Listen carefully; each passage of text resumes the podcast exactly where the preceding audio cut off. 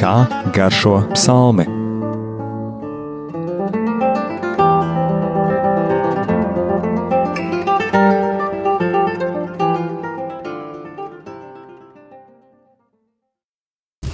Slavēts Jēzus Kristus. Mūžīgi mūžu slavēt.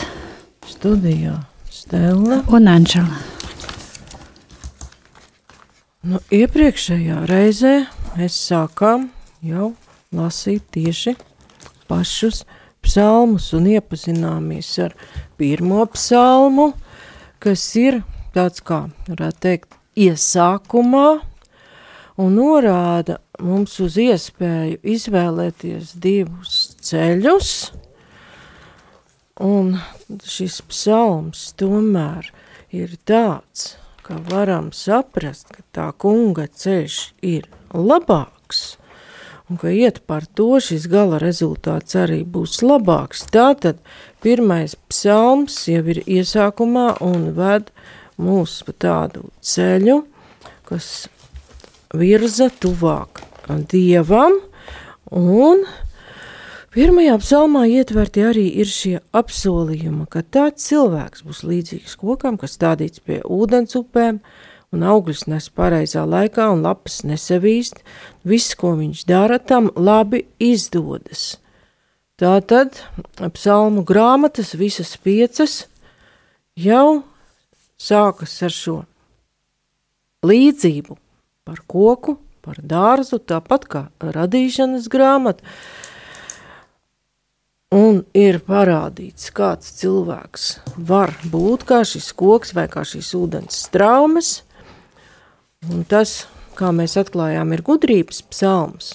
Bet jau ievad raidījumā es minēju, ka psalmu veidi ir diezgan daudzi un dažādi.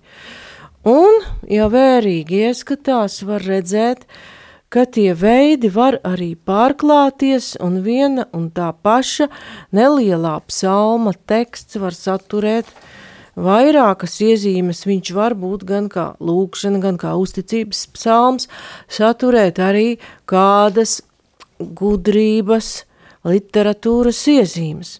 Un šodien mēs lasīsim piekto psalmu, kurš ir garāks, viņam tomēr ir 13 panti, un te jau var saskatīt pat kādus vairākus veidus, kas ir ietverti šajā tekstā. Un vispirms ar autorību šķiet, ka viss ir pateikts diezgan skaidri, liekas arī krievu valodā tas ir pateikts. Jā, Dāvida psalms, un latviešu tulkojumā ir Dāvida dziesma, Viss ir ļoti skaidri pateikts, skaidra instrukcija, kā to jādzied, dziedātāju vadonim, tā tad ir kādam kora, korvedim, kas uh, visus šos dziedātājus vada, jeb kantors, stabuļu pavadībā, tātad kādi pūšamie instrumenti, un apzīmēti viņi ar tādu vārdu, nehilot, tātad tāds instruments, kas citos psalmos nav minēts. Un kāds viņš ir izskatījies un kā ticis spēlēts, šobrīd ir grūti pateikt, bet redzam, ka dziesma ir domāta tādam bagātīgam izpildījumam ar koristiem, kora vadoni un arī būšamiem instrumentiem. Var no teksta saprast, ka tas ir gan lūgums pēc palīdzības, beigās mēs redzam arī slavēšanu, ir arī kādas gudrības teksta iezīmes, kā piemēram 5. pantā. Tu neesi dievs, kam patīk bezdievības pilna cilvēka daba, kas ļaunu dara, lai netuvojas tev, kas ir lielīgs, lai nerādās tavās acīs, tu ienīsti visus ļauna darītājus. Tad šeit Dāvids runā par to, kādi cilvēki, kāda rīcība ir kungam patīkama un kādus cilvēkus viņš atmet. Un tā, tad tā ir tāds kā šie vārdi ir tādi kā mācības vārdi, lai cilvēks saprastu, kā viņam rīkoties un kādu nostāju ieņemt, lai viņš būtu kungam patīkams. Tad varam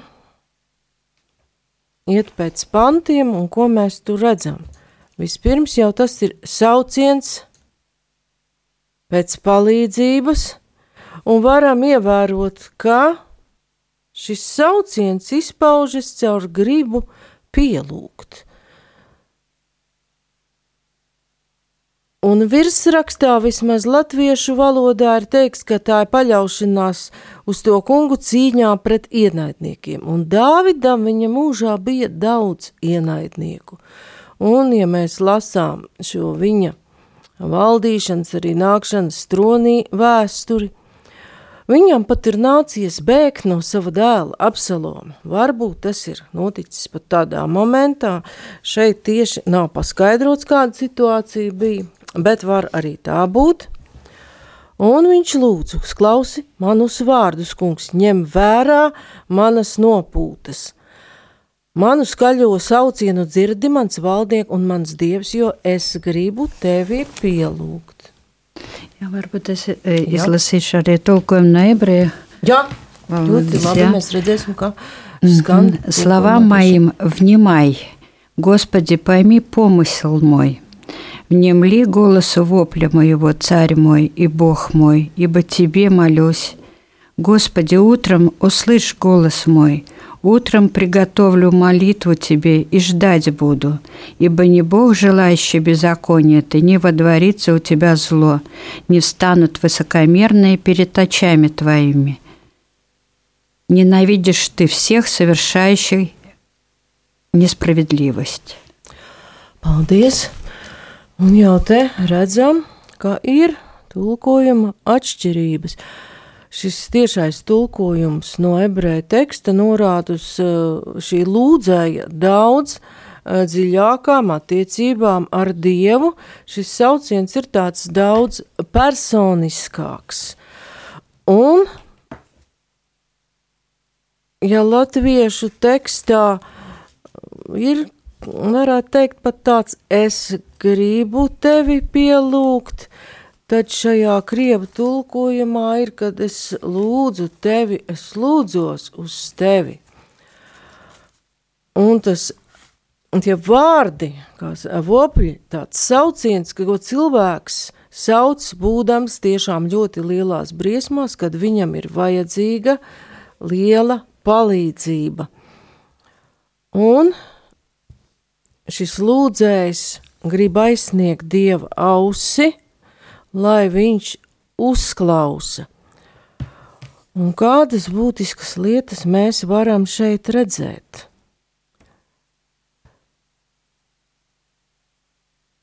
Ka tomēr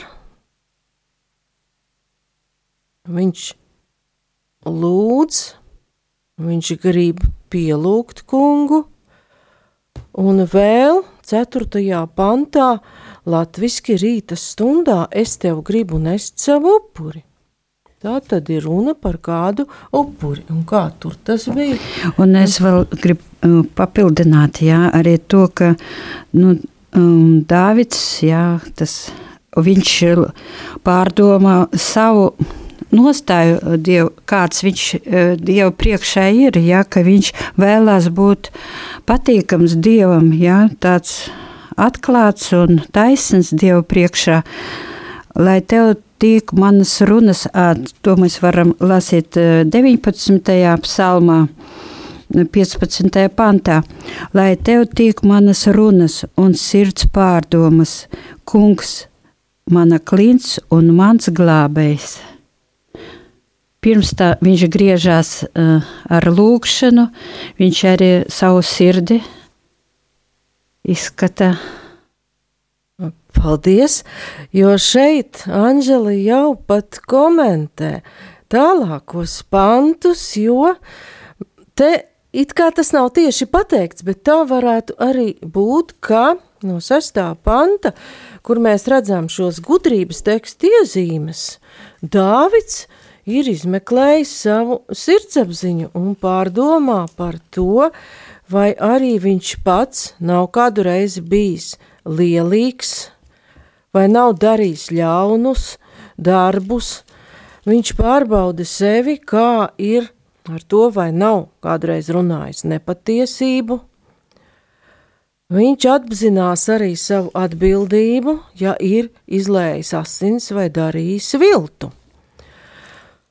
Tā tad viņš šīs lietas pārdomā. Šī piektā līdz septītam pantam,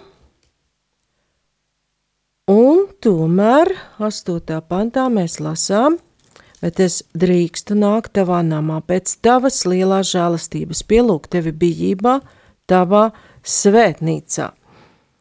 Tā tad viņš ir izmeklējis savu sirdsapziņu un pastāv divas iespējas.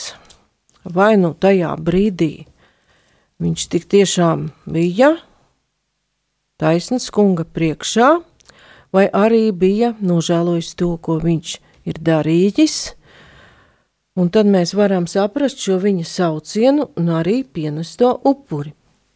Arī mēs varam lasīt vēstulē, Pāvila vēstulē romiešiem pa lūkšanu, ja? tā arī 8. nodaļā 26. pantā. Tā arī gars nāk palīgā mūsu nespējām, jo mēs nezinām, kas un kā mums jālūdz, bet gars pats mūs aizstāv un ar bezvārdu nopotām. Paldies!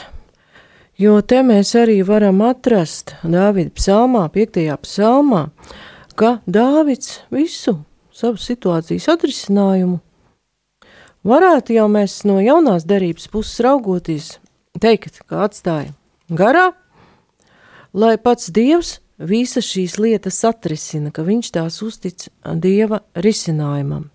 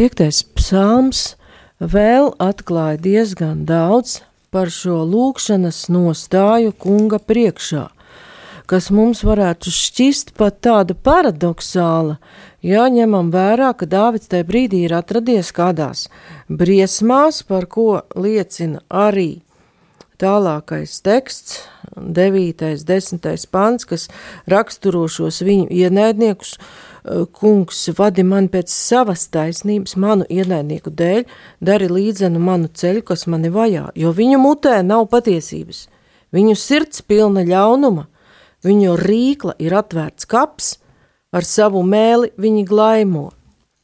Un liec, lai viņi sapinas savos padomos, kungs atstum tos no viņu daudzo noziegumu dēļ, jo viņi saceļas pret tevi.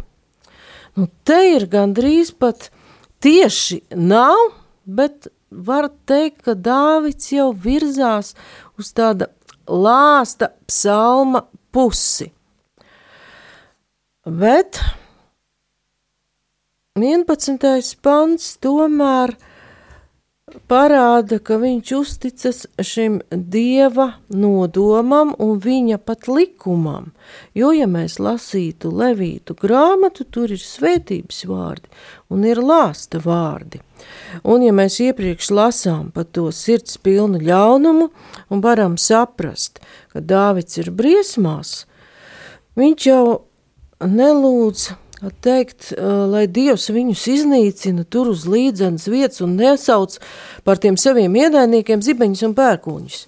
Liec, lai viņi sapinas, iekš kā tad, lai viņi sapinas savos padomos, tā tad, lai viņi cieš no paši no savas ļaunās rīcības, jo noziegums ir sacelšanās pret kungu. Un Tā tad varam saprast. Šī atriebība, šī rēķina kārtošana ir atstāta kungam, par ko arī svētie raksti runā. Vēstulē romiešiem, ja es nekļūdos, 12, 19, 21, kur Pāvils jau arī bija noķēris gan pie sevis, gan iespējams, un arī mēs paši to ļoti labi redzam, ka gribās ļoti rēķinus kārtot. Es arī piedaru pie tiem, kas grib rēķinus nokārtot ātri, kārtīgi un pamatīgi. Bet Dāvids šeit atstāja to visu kunga rokās, un Pāvils vēstulē romiešiem Dāvida nostāju komentē daudz plašāk un uzdod tādus ļoti grūtus uzdevumus. Jā, iespē, jā, priekš manis ļoti grūti.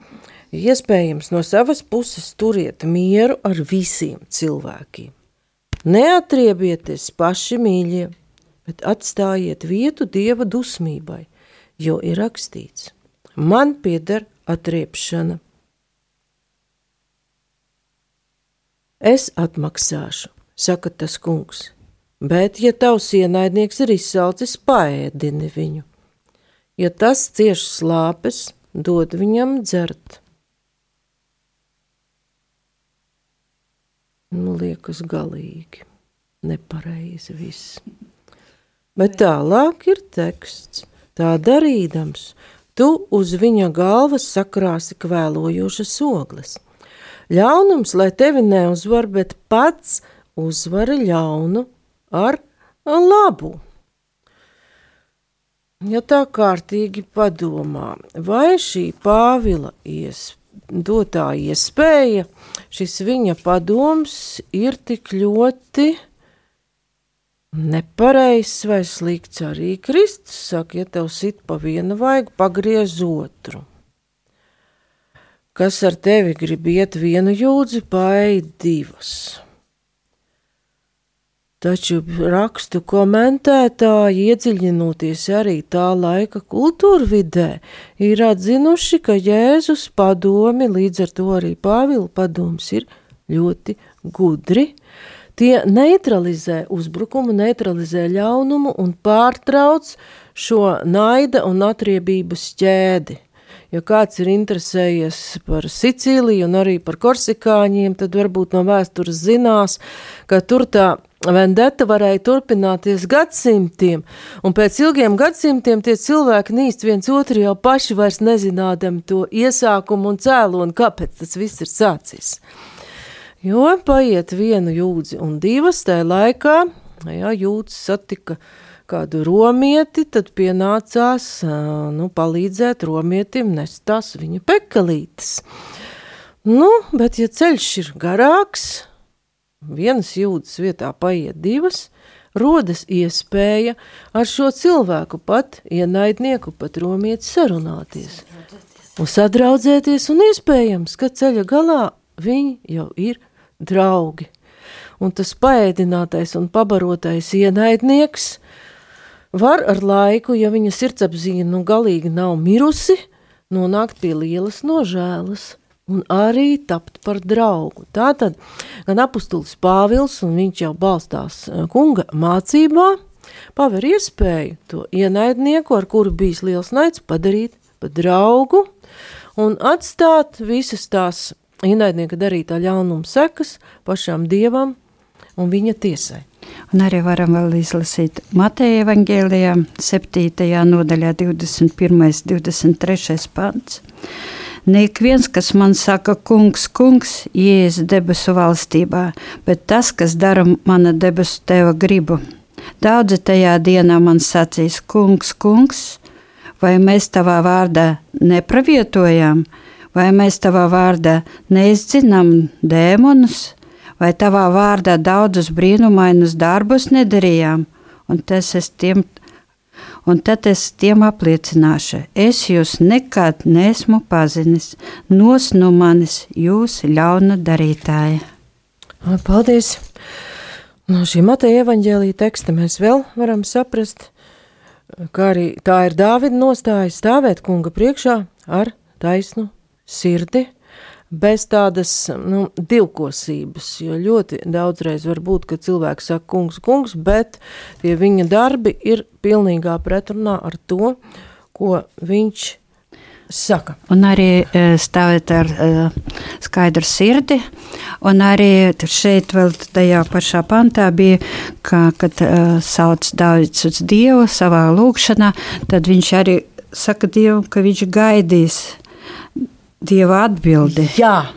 Tas ir tas, pie kā es arī gribēju tagad jau pievērsties, pie kā es gribēju griezties pie kāda teksta, ka viņš gaidīs budu ažidats. Tad krievu valodā šeit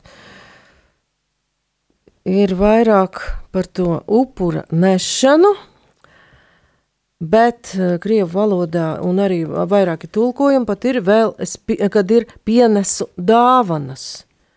Un vēl mēs redzam tur agri nostāties kunga priekšā. Var saprast, ka tā ir rīta lūkšana, viens no eksaģēta skaidrojums, ka tā ir rīta lūkšana, bet šiem vārdiem agri nostāties kunga priekšā un pienest dāvanu mēs varam atrast arī tālajošāku, plašāku un dziļāku nozīmi. Vispirms jau ir labi sākt dienu ar lūkšanu. Un jau kā dāvana ir pienests mūsu laiks, ko pašreizējā steidzīgajā laikā, vai man jāskrien uz darbu, man visi fiksi jāpaspēj, tomēr pienest kungam šo laiku, būt lūkšanā, sākt dienu ar laiku kungam, ar lūkšanā pavadītiem brīžiem. Arī psalmā 85. 9. 8. pantā var lasīt, rādi mums, kungs, savu žēlastību un savu pestīšanu dot mums, lai ieklausos, ko saka Dievs. Kungs saka mieru savai tautai un saviem uzticīgajiem. Paldies! Un Anģels nolasītajā fragmentā mēs dzirdējām atkal uh, šo vārdu par ieklausīšanos un gaidīšanu. Budu ažidāts. Tad uh, latviešu tulkojumā, diemžēl, mēs šos būtiskos vārdus nevaram izlasīt. Tātad Dāvids ir gatavs pakļauties dieva laika skaitīšanai, un ka viņš gaidīs dieva lēmumu, ka dievs rīkosies tajā brīdī, kurš ir vislabākais, kad iesāsies, kā grieķu valodā saka, kairos laiks, dieva darbībai un situācijas atrisinājumam. Un Dāvids būs gatavs satikties ar Dievu jebkurā laikā, visu dienu viņš gaida. Un Te lūk, parādās vēl viena interpretācija, būt gatavam visu dienu un arī nakti būt kunga priekšā un gaidīt viņa darbošanu, viņa atbildi, viņa darbošanos, viņa padomu. Un kā mēs vēl varētu saprast agri no rīta? Nu, komentāros tieši es to neatradu, bet varētu arī tā būt, ka labi ir meklēt Dievu agrā jaunībā, pat bērnībā, un tad būt pacietīgam, ieklausoties un gaidot, ko Dievs piedāvās dzīves ceļā, un kādu ceļu viņš parādīs cilvēkam, kādus lēmumus pieņemt, ka, kuru ceļu iet. Tātad agri meklēt Dievu. Agrā jaunībā, bērnībā, un padoties šim meklētāja garam, nepakļauties tam, kas varbūt ir piedāvāts īpaši mūsu laikā no cilvēkiem, kuru uh, sirds ir pilna ļaunuma, rīkli ir atvērts kaps un ar savu mēli viņa glaimo. Tā tad var būt it kā labs, bet nepatiesas piedāvājums, kas aizved tālu prom no Dieva. Un tieši mūsu laiku pasaulē jaunam cilvēkam tas pat izvēloties, ar ko nodarboties, kur mācīties, ir ļoti svarīgi sadzirdēt šo kunga balsi agri no rīta, lai viņš nenonāktu sliktā situācijā un tālu no Dieva. Un arī Marka evaņģēlijā pirmajā nodaļā jā, mēs varam lasīt par Jēzu, kurš lūdzās jau agrā rītā.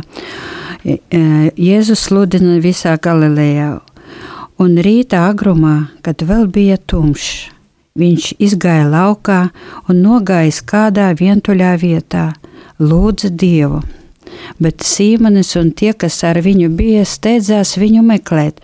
Viņu atraduši tie sacīja, visi tevi meklē, tad viņš tiem sacīja, iesim uz tuvajiem miestiem, kā arī tur es sludinu, jo tādēļ es esmu nācis. Paldies! Arī šeit mēs redzam, ka Jēzus lūdz agrā, agrā rītā, un vēl varam atcerēties, ka arī augšām celšanās notika ļoti agri no rīta, un katra lūkšana cilvēkam ir kā augšām celšanās. Un vēl mēs varam šeit Dāvida psalmā redzēt, ka viņa lūkšana ietver diezgan daudzas lietas, ka viņš lūdz par sevi, lai Dievs virza, lūdz pret saviem ienaidniekiem 10. un 11. pantā, Un mēs jau sapratām, ka viņš nelūdz pēc izrēķināšanās, kā dažkārt mums ļoti patiktu, bet viņš lūdz pēc taisnības, lai piepildītos šis dieva likums, ka ļauns nodoms nes ļaunu augli. Un pašās psalma noslēgumā viņš runā par prieku Tā jau ir pateicības un prieka lūkšanas. Un Dāvids uzlūko visu laiku Dievu kā tādu, kurš sadzird. Bet priecāties būs visiem, kas cerē uz tevi. Ar vienu viņi priecāsies, ka tu viņus pasargi, lai mūžīgi gavilē un priecājas tie par tevi, kas mīl tavu vārdu, jo tu, kungs, svētī taisno un pušķo viņu ar žēlastību kā ar bruņām. Tad varam jau te redzēt, ka tur ir arī pateicības psalms, ka Dāvids jau vēl nav saņēmis ne atpestīšanu, ne aizsargāšanu no tiem ienaidniekiem un situācijas atrisinājumu, bet viņš jau runā par prieku un ietver tur visus cilvēkus šajā pateicības lūkšanā, kuri cerē uz Dieva palīdzību. arī 85. psalmā, 10. pantā un čet, līdz 14. varam lasīt, gan viņa glābiņš tuvu tiem, kas viņu bijā, mājos godība mūsu zemē, žēlastība tiksies ar patiesību, taisnība skūpstīs mieru, patiesība no zemes dīks un taisnība lūkosies no debesīm, tad kungs dos labu un mūsu zeme dos savu ražu, taisnība staigās viņam pa priekšu un sataisīs viņam ceļu. Paldies! Un šis vārds sasaucas arī ar noslēguma 13. pāntu 5. psalmam, jo tur ir sacīts, jo tu kungs svētī taisno un pušķo viņu ar žēlastību kā ar bruņām. Tātad šī taisnība staigāšana uh, kunga ce ceļos un balstīšanās uz viņa taisnību un viņa taisnības darīšana ir šīs bruņas, kas pasargā.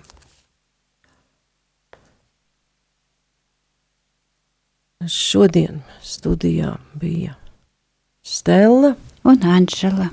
Paldies, ka klausījāties!